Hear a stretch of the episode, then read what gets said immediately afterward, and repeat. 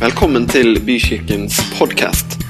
For mer informasjon om oss cvvvbykirken.no.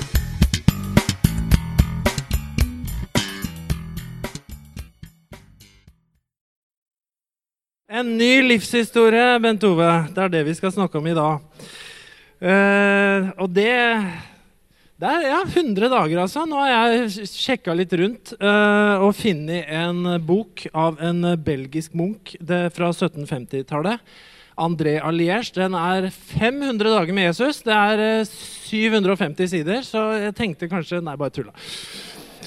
Nei, men Det har vært veldig fint. Eh, og når Bent spurte om jeg ville være med på det her tidligere, så, så var en av mine motivasjoner var, eh, var rett og slett at det her eh, så jeg litt sånn egoistisk på. og tenkte at det her blir fint for meg å være med på det. 100 dager med Jesus. Og det har vært veldig fint. Og det er som det ble sagt her, eh, at det har vært en veldig fin sak i familien med at vi har fått disse stundene da, hvor vi har eh, lest og vi har fått snakka om ting. Vi har jo to gutter som begynner å bli såpass store at de tenker jo på livet og tenker på mange ting, egentlig. Så det har vært veldig, veldig mange små, fine samtaler eh, osv. Så, videre. så vi eh, Det er noen dager hvor det har ryket, altså, hvis de ikke har fått lest. Men vi har egentlig bestemt oss hjemme for å, å lese boka en gang til, vi da. For vi syns at vi syns den er veldig bra. Vi syns måten han skriver på, og måten, lengden på stykkene og alt, det passer så fint. Så hos oss så kommer det nok til å gå litt sånn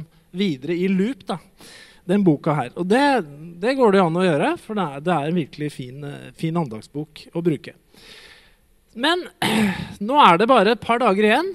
Eh, så, er, så er boka slutt. Og eh, den siste Surprise, surprise, liksom sånn spoiler alert, det er at den siste dagen da står det ikke noe særlig stykke. For da er det headingen, det er jo en ny livshistorie. Og da blir man bedt om å for å ta det litt på forskudd, tenke litt gjennom hva skal jeg bruke livet mitt til videre. Eh, og det, Noen ganger så kan det gå litt Det kan kanskje gå litt inflasjon noen ganger da, i våre kristne sammenhenger. at eh, man skal starte på nytt og ta en bestemmelse og ta en bestemmelse. Så kan det bli at det blir litt sånn utvanna, da, det å ta en bestemmelse. Eh, for jeg tror også at det å ta en bestemmelse på å gjøre endringer i livet, det må komme litt sånn eh, mens vi lever, da, og livet forandrer seg. Så kommer det sånne veiskiller i livet hvor vi må jo ta en bestemmelse, faktisk. ikke sant? Fordi det er en reell, situasjon i livet vårt. Men så kan det jo også være at uh, det livet du lever akkurat nå, er veldig ålreit. Det, det er jo ikke sikkert du må revolusjonere livet ditt i dag. Kan hende det er ganske greit. ikke sant? Men det kan jo også være det at vi, vi står i en fase da, hvor det er veldig riktig og naturlig, og vi kjenner på at vi må kanskje velge noe litt på nytt, eller velge en litt annen måte å leve på. Og det vil jeg veldig gjerne utfordre meg sjøl på, for det, det har utfordra meg eh, før vi starta 100 dager med Jesus, eh, og underveis også. Og også den siste uka nå, med den headingen her, en ny livshistorie, det, det har jeg latt meg utfordre på. Og det er også noe vi kan velge, da, å la oss utfordre på ting. Jeg skal begynne å lese det som er litt den teksten denne uka her. Det står i Johannes 20 og vers 21. Og Det er igjen da henta fra når Jesus møter disiplene første gang etter at han har stått opp fra de døde. Og han sier igjen Fred være med dere. Som far har sendt meg, så sender jeg dere. Det er det Jesus sier. Og det er, det er, det er en ganske radikal tekst, egentlig. Som far har sendt meg, så sender jeg dere. Og da tenker jeg det er litt sånn naturlig å bare stoppe opp litt og tenke på hvordan sendte Gud Jesus? Hva var, hva var det viktige, hva var hovedoverskriften over Jesu liv som var sendt av Gud? Og Jesus han ble jo sendt til verden for å tjene. Eh, og det var jo veldig mye Jesus gjorde mens han var her. Eh, I de aktive tjenesteåra. Så han, han underviste. Han, eh, han gjorde undergjerninger, under og tegn. Han go gjorde gode gjerninger av andre typer slag. ikke sant? Han metta mennesker, gjorde mirakler, under osv. Alle de tinga gjorde jo Jesus mens han var her. Og han var, han var jo sendt av Gud og gjorde de tinga i Guds kraft. Men allikevel så var det jo noe som på en måte overskygger alt det. Og det var jo det at han døde på korset, sona våre synder og forsona oss med Gud. Det var jo først og fremst derfor Jesus kom. Han kom ikke først og fremst for å gjøre vann til vin. Han kom ikke først og fremst for å gjøre et brødunder. Han kom ikke først og fremst for å undervise. Han kom først og fremst for å forsone verden med Gud. Og gjennom det også åpna en helt annen vei for at mennesker oss imellom skulle kunne leve forsona med hverandre. Det er også konsekvensen av forsoningen. Resultatene er at synden blir sona, straffen er tatt. Og synden blir borte. Og jeg kunne gjerne hatt en Jeg kan bruke den her som et eksempel. Men forsoning, dere, det, det er et litt annet ord enn tilgivelse. Og jeg, kanskje vi kan si at tilgivelse er grunnlaget for forsoning. Hvis jeg kan få hjelp av Gunnar, som kan stå der Du trenger ikke å si noe engang, men du er nå Du kan stå litt nærmere. Eh, nå er du Gud. Det er ganske bra rolle. Litt vanskelig å fylle. Men uansett Her står jeg, og jeg er Magnar. Og jeg har gjort mye rart, og jeg har synda mange ganger. Og der står han fullkommen, som dere ser, langt, hvitt skjegg. Altså, alt er i orden. Men mellom oss så står det noe da som jeg kaller for synd. Og det skiller oss. Det skiller meg fra å komme bort til Gunnar. Det skiller meg fra å komme nær han og få en sånn litt nærmere dialog. Jeg kan betrakte på avstand, men det er noe imellom oss. Det er bare et sånn veldig enkelt bilde. da. Men det var det Jesus kom for å fjerne. Han kom for å fjerne synden. Så hele denne store saken som hindrer meg i å komme til han, den må vekk. Det er den Jesus bærer bort opp på korset og tar med seg ned i graven. Det er synden som står imellom oss. Men om nå denne her var borte, nå skal vi ikke bære, men jeg kan godt flytte med oss hit. da. Om det nå her var borte fra oss, så er det jo sånn at eh, hvis jeg fortsetter å stå her, og han er der borte, så er vi fortsatt ganske langt fra hverandre. Og vi, Det blir sånn vanskelig å skape relasjon, eh, egentlig. Det er unaturlig lang avstand. Men jeg har muligheten til å komme nærme og få en relasjon. Og det er det forsoning handler om. Det handler ikke bare om at synden blir fjerna, men det handler om at jeg kan komme nærme Nå går jeg ikke nærmere enn én meter, men eh, det, det handler om at jeg kan komme til, i dette tilfellet, Gud. Og så kan vi komme så nær hverandre at vi kan få en relasjon. Da er vi forsona. Og det er ikke bare som om Gud står der borte og sier det er greit, det, er, jeg har tilgitt deg. ikke sant? Og på en måte, det er greit. Og nå er du der, og jeg er her. Men forsoning handler om at vi blir forsona på et plan hvor vi får en relasjon. Tusen takk, Gunnar. Eh, og det samme gjelder jo oss mennesker imellom. ikke sant? Det handler jo om det å, det å tilgi. Vi kan jo si ja, jeg, jeg tilgir det, det er greit, det er greit, vi, vi, glemmer det. Men forsoning er noe litt mer enn bare å si det er greit, vi, vi glemmer den hundrelappen. Jeg kommer aldri til å låne deg penger igjen. ikke sant? Altså, Forsoning handler jo om at vi blir forsona med hverandre på en sånn måte at vi får en relasjon. Og Det er det Jesus kom for å gjøre. Han kom ikke i gåsetegn bare for å bære bort synden. Han kom for å forsone oss med Gud. At vi skulle få en relasjon med Gud. Det var det viktigste Jesus kom for. Eh, så det blir ikke noe sånn der eh, i perleporten altså at Sankt Peter står der du, Er du akkreditert for å komme inn? Har du det der tilgivelseskortet, liksom? Nei. Gud vet hvem vi er. Det står han, han, vet hvor mange hår vi har på hodet. Lettere med noen av oss selvfølgelig enn andre å holde styr på det. Men, eh, men, men, og han kjenner oss ved navn. ikke sant? Bibelen er veldig sånn at Gud er personlig med oss. da, Ønsker å ha en personlig relasjon med oss. Men også det her med forsoning. Det handler ikke bare om meg og Gud, om deg og Gud, men det handler også om oss.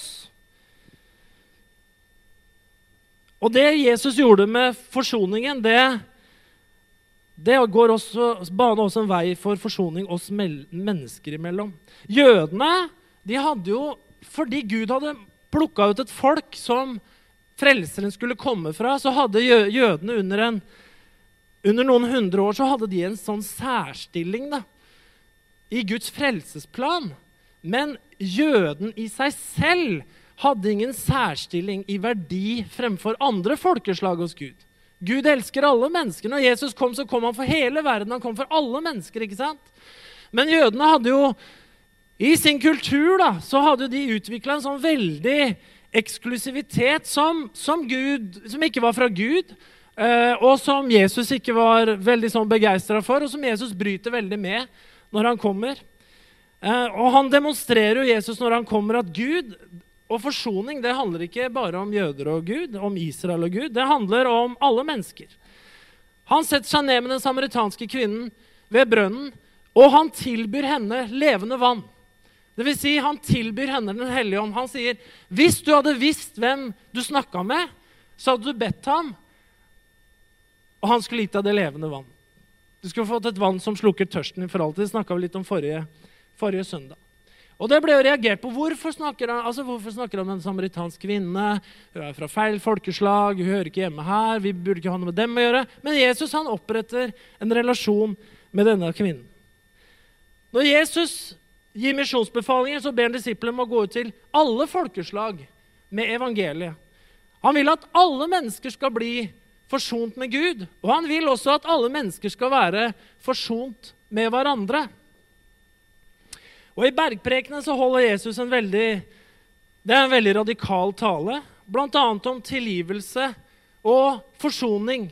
Og Det kan summeres i det liksom, setningen som alle kjenner til, og det er det her med å vende det andre kinnet til, som Jesus snakker om. Også igjen så er han ganske sånn, eller veldig På egne vegne så er det helt greit å være passiv og tilgivende.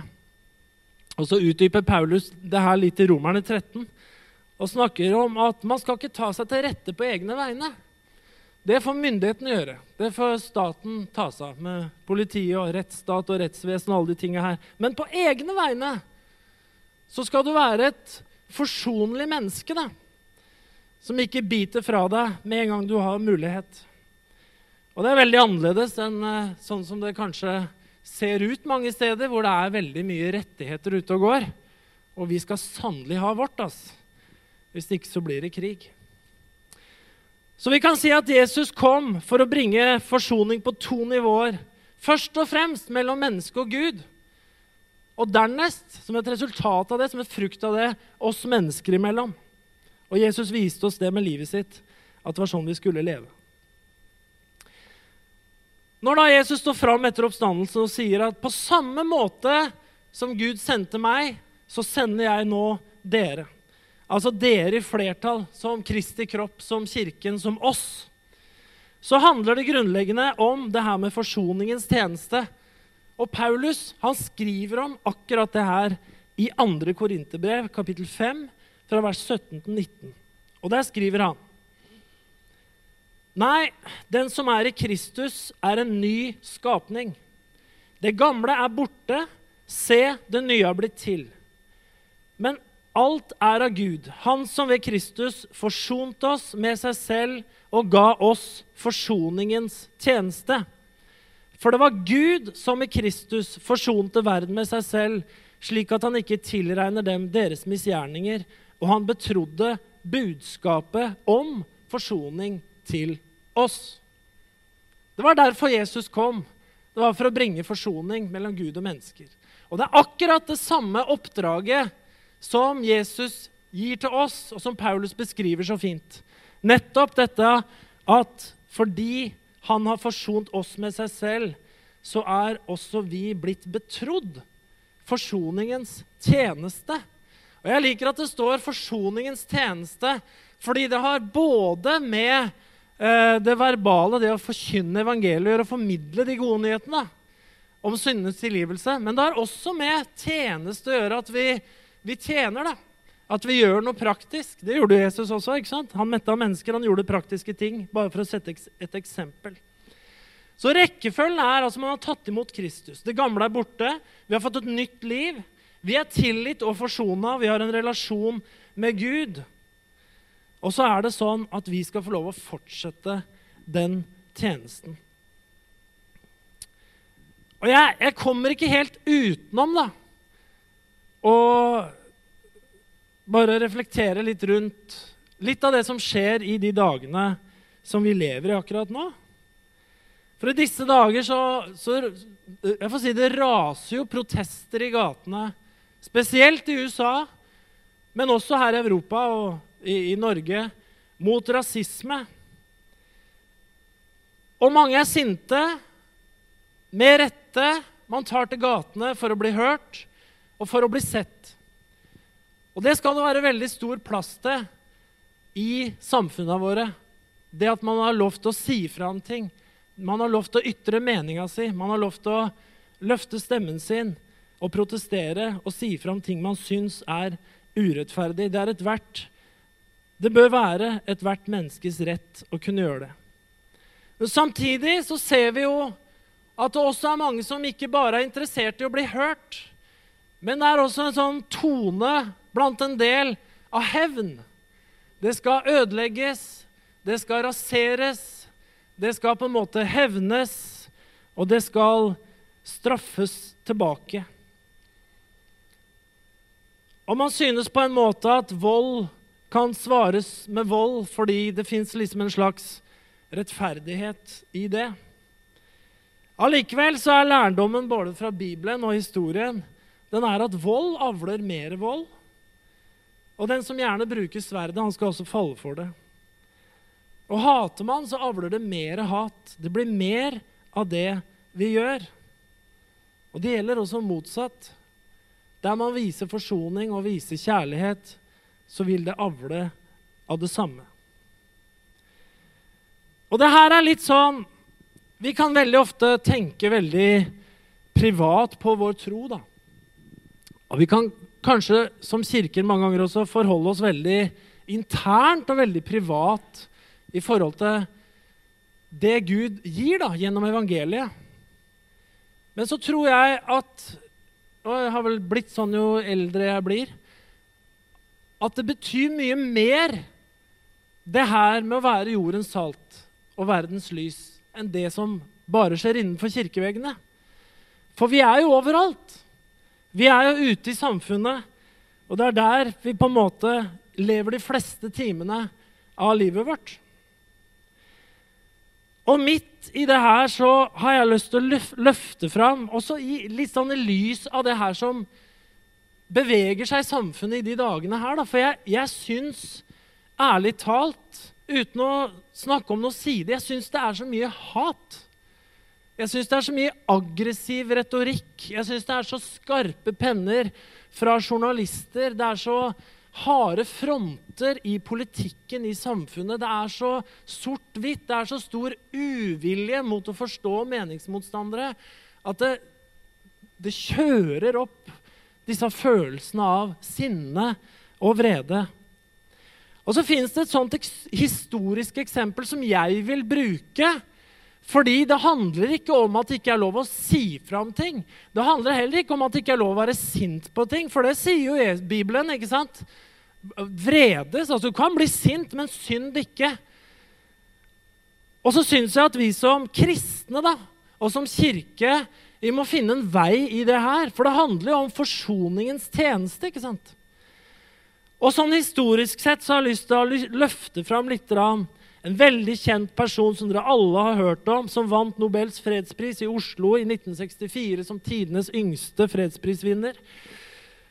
Han het Martin Luther King jr. Han var født i 1929 i Atlanta i Georgia, som jo er syd, en av sydstatene da, i USA.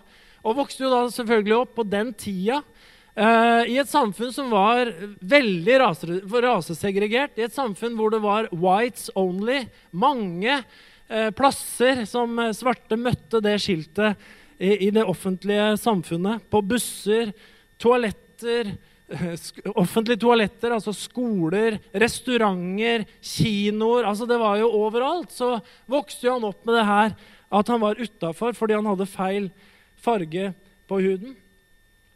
Han var sønn av da naturlig nok Martin Luther King senior. Det ligger liksom i navnet. Eh, og eh, han var pastor, pappaen hans. Han var litt i tvil om det her med Jesu oppstandelse og om han kunne tro på Bibelen i unge år, men fant etter hvert ut at han hadde en tro og satsa på det. Han utdanna seg som teolog og ble pastor i baptistsamfunnet i, i, i USA, i sørstatene, som jo var et stort eh, evangelisk samfunn. Eh, og etter hvert, etter krigen, så vokser jo hans eh, engasjement for borgerrettigheter fram. Og det som er så fantastisk, var jo at borgerrettighetskampen den, den vant jo fram. Og gjorde at whites only ble fjerna. Og mennesker ble stilt på lik linje uansett hvilken farge de måtte ha på huden de var født med. Men det som skjer i den kampen, er jo at han bruker jo aldri vold. Han bruker jo aldri, aldri voldelig retorikk. Han oppfordrer aldri til det. Men med en rettferdig kamp så vinnes det over de tankene som undertrykte så mange mennesker. Og jeg tenker, og når jeg, jeg leste eh, talen hans For han holdt en fantastisk tale som eh, vel alle kjenner til. I hvert fall den første setningen som går igjen mange ganger. I have a dream.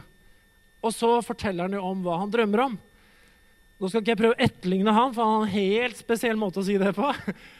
Eh, og det var i Washington i 1963 hvor han holdt den talen. Hvor det var en sånn march to Washington.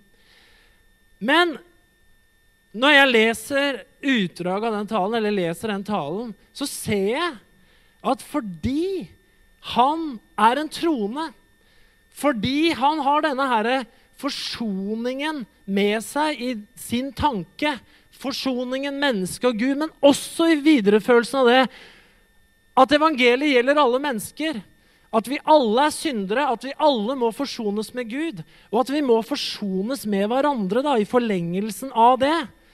Så er det en tone i det han sier, selv om han er sint på urettferdighet. Selv om han kjemper imot undertrykkelse, så er det en tone som gjorde at det blei forsoning. Og at kampen nådde fram. Og nå skal jeg lese et lite utsnitt fra den talen. For at vi skal høre det. Og kanskje det kommer opp Ja, ikke sant? Flott. Og skal ikke, Nå skal ikke jeg prøve på en sånn halvveis etterligning av han. Eh, så jeg, så, her, så jeg, leser det ganske rolig. Men han, han sier i talen I have a dream today. I have a dream that one day every valley shall be exalted. Every hill and mountain shall be made low. Rough places will be made plain, and the crooked places will be made straight. Dette er tatt rett ut fra Jesaja, for de som ikke visste det. And the glory of the Lord shall be revealed, and all flesh shall see it together. This is our hope. This is the faith that I go back to the south with. With this faith, we will be able to hew out of the mountain of despair a stone of hope. With this faith, we will be able to transform the jangling discord of our nation into a beautiful symphony of brotherhood. With this faith, we will be able to work together, to pray together, to struggle together, to go to jail together, to stand up for freedom together, knowing that we will be fine one day. This will be the clay when all of God's children will be able to sing with new meaning. My country, this of thee, sweet land of liberty, of thee I sing. Land where my fathers died, land of the pilgrim's pride, from every mountainside let freedom ring. Og Når man leser den talen, så er det jo så tydelig hvor fargelagt han er av det her med forsoning. Og at han sto i forsoningens tjeneste. Den, hele talen oser av en kombinasjon av besluttsomhet, mot, krav om rettferdighet og en stadig henvisning til at mennesker, alle mennesker er skapt av Gud til å leve i brorskap som Guds barn og søsken. Gudsperspektivet er der hele tida gjennom hele talen. Og det er så tydelig at han har en himmel over livet, da, som vi snakka om forrige søndag. Var det tilfeldig at Martin Luther King jr. fikk det her igjennom? Neppe. Uten hans teologiske forankring og tro på Gud, så kunne han vært en av de som prekte tann for tann, øye for øye, vold mot vold, krig mot krig, slag mot slag. Men han gjorde ikke det.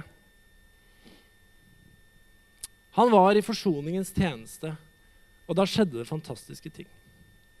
Og Det må vi ta med oss som kristne ut i samfunnet. For jeg hører, jeg ser på Facebook-kommentarene hvor sinte mange er. For retorikken er så sinna. Og man mister det her budskapet om forsoningen på veien. Da. Og det er fryktelig lett å gjøre det. En ny livshistorie.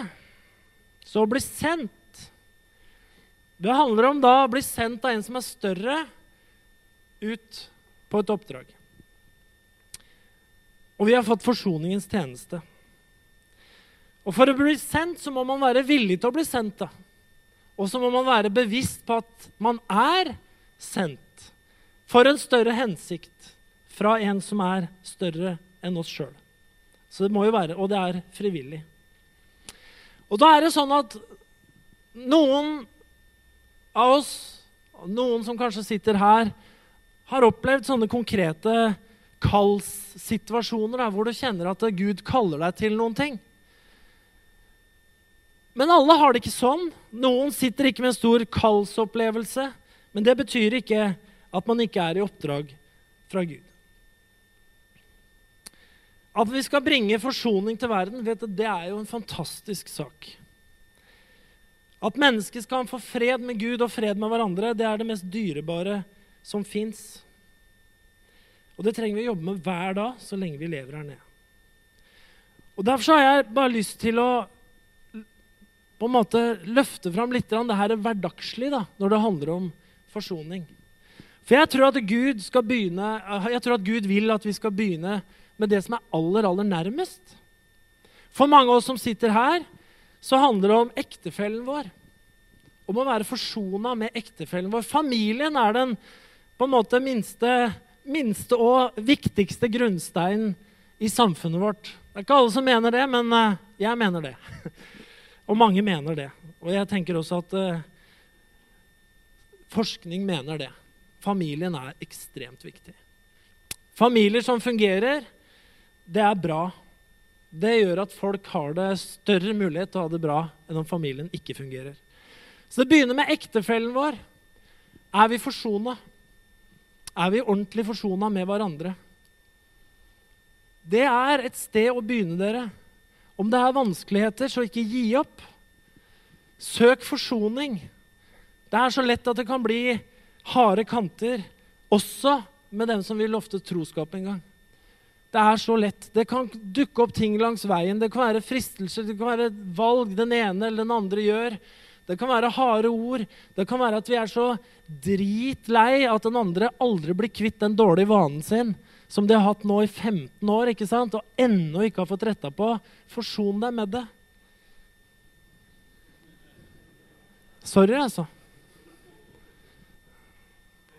Jeg veit at min Katrin helt klart har gitt avkall på en del forandringer som hun kanskje skulle ha sett hos meg, fordi det kommer ikke til å skje. Fordi jeg har ikke evnen.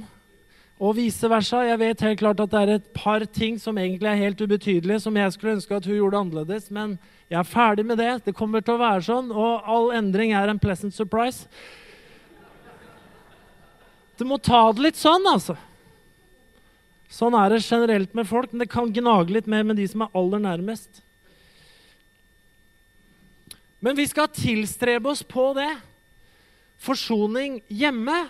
Det er kjempeviktig. Med barna våre. Det er kjempeviktig. Kanskje ikke de går den veien som du vil de skal gå. Kanskje de beveger seg i en annen retning på en eller annen måte.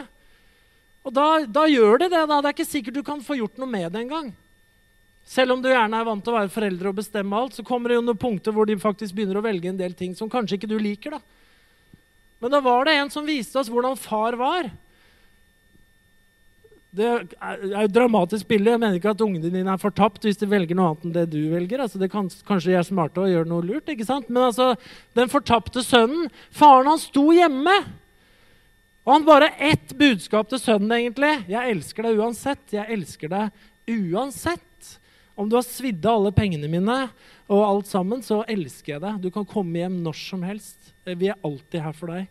Uansett så er jeg alltid her for deg, selv om du har rota det til noe fryktelig. Forsoningens tjeneste den kan begynne i familien. Det er et bra sted at den begynner.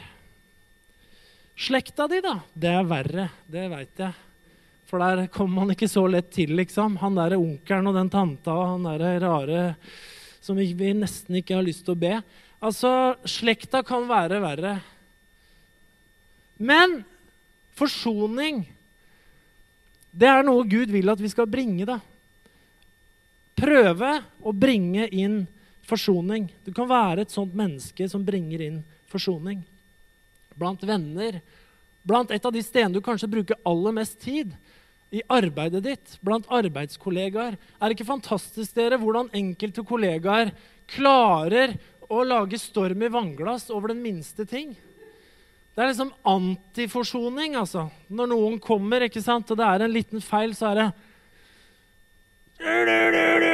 Så er det full krig med en gang. Og folk hopper på og blir, eh, blir sinna. ikke sant? Og så er det andre som kommer inn og får roa allting ned og får alt til bare fungere. Og det går bra, og det ordner seg, og jeg fikser det for deg. jeg fikser Det det er greit, det ordner seg. Er det bra nå? Ja, det har gått bra, sier alle de urolige sjeler. ikke sant? Altså, på, på, på, jobben din kan du gjøre en forskjell. Kanskje du jobber med å komme inn til mennesker, inn i bedrifter. Kanskje du jobber i en bedrift, kanskje du jobber med få, kanskje du jobber med mange.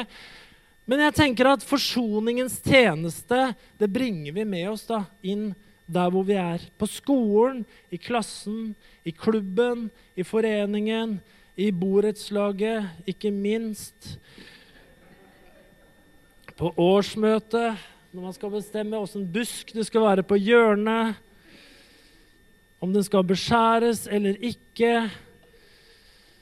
Hvor ofte skal man få lov å klippe plen etter klokka fem på lørdagen? Det er mange ting som kan komme på i livet. Kjøp enebolig er mitt forsonende forslag. Jeg har livserfaring der, altså. Så Men det er mange arenaer. Eller byen vår. Eller fylket vårt. Eller landet vårt.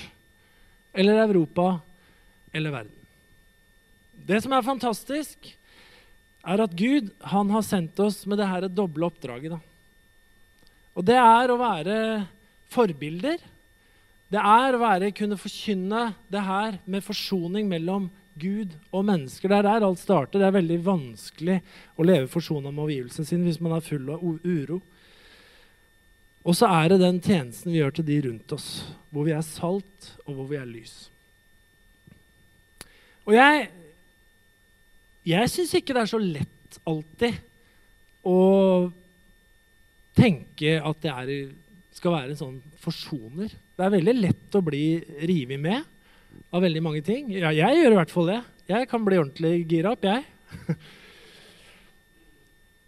Men så må vi på en måte ta oss i det. Hva er det som skjer rundt meg? Hva er det som skjer i familien min? Hva er det som skjer med kona mi hvis jeg er uforsonlig? Åssen ser det ut rundt meg da? Det blir forferdelig dårlig. Det går i stykker. Åssen ser det ut rundt meg på jobben min hvis jeg er uforsonlig, hvis jeg er hard? Hvordan ser det ut rundt meg da? Jo, det blir forferdelig å være der. Jeg gjør stedet til et pytonsted. Og jeg kan ikke engang drømme om å være den personen som får lov å dele evangeliet med en eneste menneske på den arbeidsplassen. om jeg er på den måten. Men om jeg skaper forsoning, om jeg skaper gode forhold mennesker imellom, så veit jeg at da får jeg rom også til å snakke med folk om det som er enda viktigere. Og det handler om forsoningen med han der oppe. Og de pratene får man. Vet du hvorfor man får de? Fordi folk syns at du er ålreit. Rett og slett. Det er derfor du får de pratene. Du får ikke de pratene hvis du er en drittsekk. Unnskyld at jeg sier det. Det får du ikke. ass. Men hvis du er et bra menneske, da får du de samtalene. For da sier også de med masse fordommer at eh, jeg kjenner mange som er kristne som er sånn, men du er jo bra. Det får jeg høre hele tida. Nei, bare tulla. Altså, men, men da går det an å prate med folk. Da går det an å prate med folk, ikke sant? For du er den som har levd i denne forsoningens tjeneste der hvor du er, da. Så det er hverdagslivet.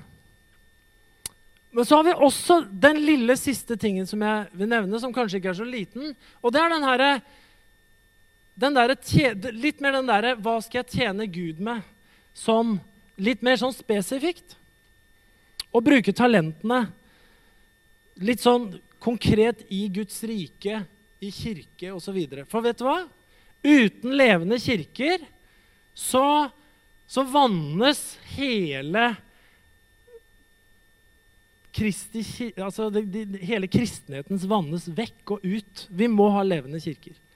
Og vi må ha kirke hvor vi bidrar med vårt, hvor vi er med å tjene. Og det er, det er veldig viktig at vi gjør, syns jeg. Det har vært et viktig verdivalg sånn, inni meg, og som jeg har tenkt på også rundt det her. Eh, en ny historie. For vi skriver på en måte en ny historie hele tida.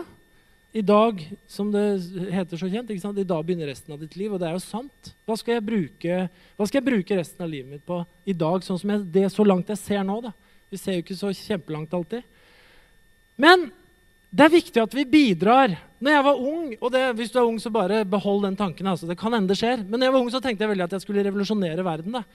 Men for min del altså, innså jeg at jeg kanskje ikke kom til å gjøre det etter hvert.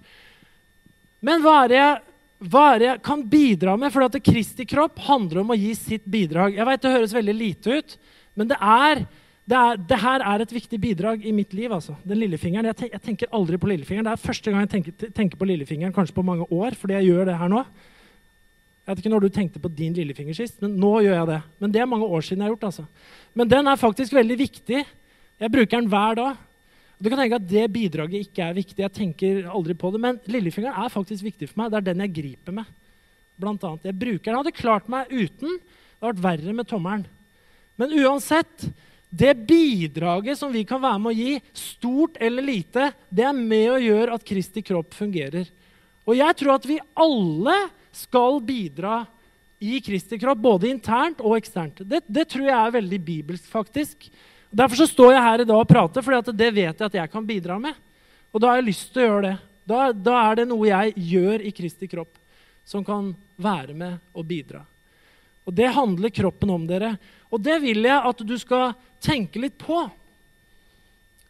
Hvordan ser det ut litt sånn konkret for deg framover? Er det noe du skal endre? Er det noe du skal bidra mer på? Er det noe du skal bidra annerledes på? Kanskje du har blitt veldig passiv. Ikke fordi du er et dårlig menneske eller er vrang og uvillig, og alt det her, men kanskje det bare har blitt sånn. Og Derfor er det her en mulighet. Det blanke arket da, som kommer om to dager Ta, ikke avslutt boka med 'Å, så deilig, et blankt ark'. Da slapp jeg å lese i dag. Sett deg ned litt i det blanke arket. Og så tenk litt igjennom der hvor jeg er i livet nå. Hva betyr det her for meg? Hva, hva skal jeg gjøre annerledes? Kom ikke og si at du er perfekt. Det er ikke jeg, det er ikke du. Det er sikkert noe du kan gjøre annerledes fra neste uke som du ikke har gjort i dag som du kan bidra med for å gi forsoningens tjeneste være med på den der hvor du er rundt i livet ditt. Amen? Det kan vi gjøre. Så ta utfordringen. Og vi trenger å bli utfordra. Jesus, vi takker deg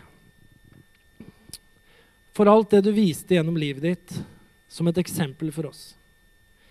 Takk for at du gjorde av gode gjerninger, under tegn, mirakler, alt du lærte oss.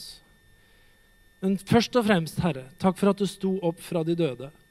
Forsona oss med Gud, så vi kunne ha kontakt, så vi kunne ha fellesskap.